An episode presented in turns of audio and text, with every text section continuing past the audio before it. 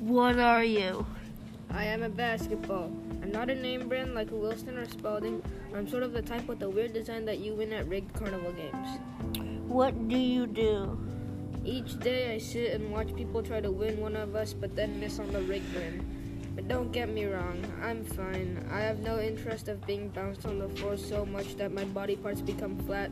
It's just boring here. All I can do is sit and watch people scream on roller coasters. What are your wishes? Sometimes I wish I can tell people to stop wasting their money, but sometimes I wish one of them will win and choose me and not bounce me. And do you have friends? No, no one will talk to me because my name is Lee. Lee Braun. I think living in the Bay Area has something to do with it. Apparently, I was named after a basketball player. Oh, well, how do you feel? It's hard to say. I'm sort of depressed, but sometimes I feel sick because those roller coaster games give me headaches. Oh, well, thanks for your time. Thank you.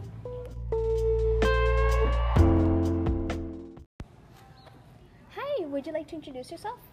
Sure, um, I'm Shelby the Shelf. Okay, sweet. Uh, can you tell us a little bit about yourself?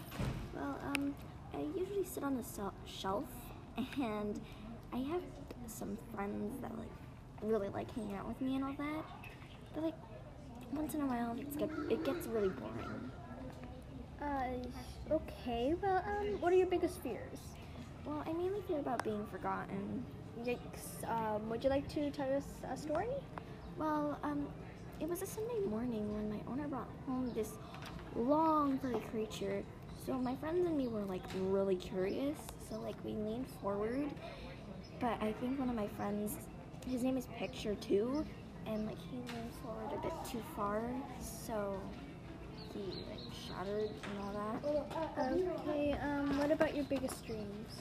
Well, my biggest dream is to probably be reused someday into a better shelf with a new home. So yeah. Wow, uh, that's very deep. Well, that's all the time we have today. Thank you, folks, for joining in, and be sure to tune in next time.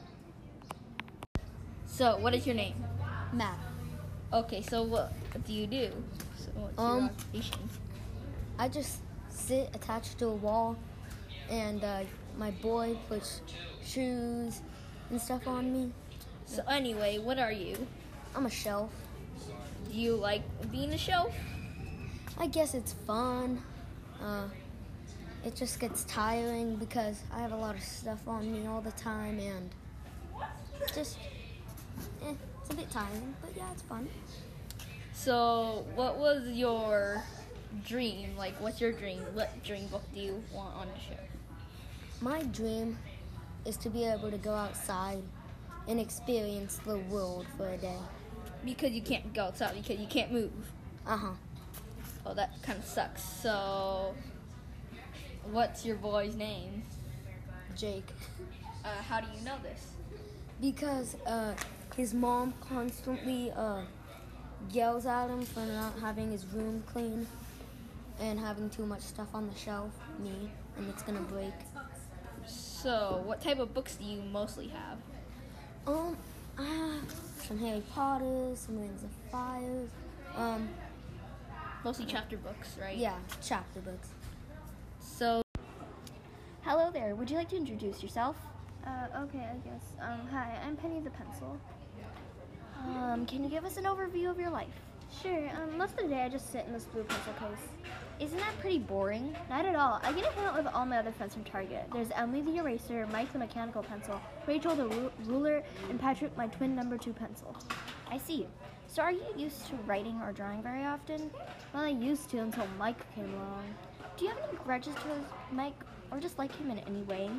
No, he's a nice guy. It's just he outshines me sometimes. I used to write all the essays, sketch all the sketches, doodle all the doodles, and underline all the text.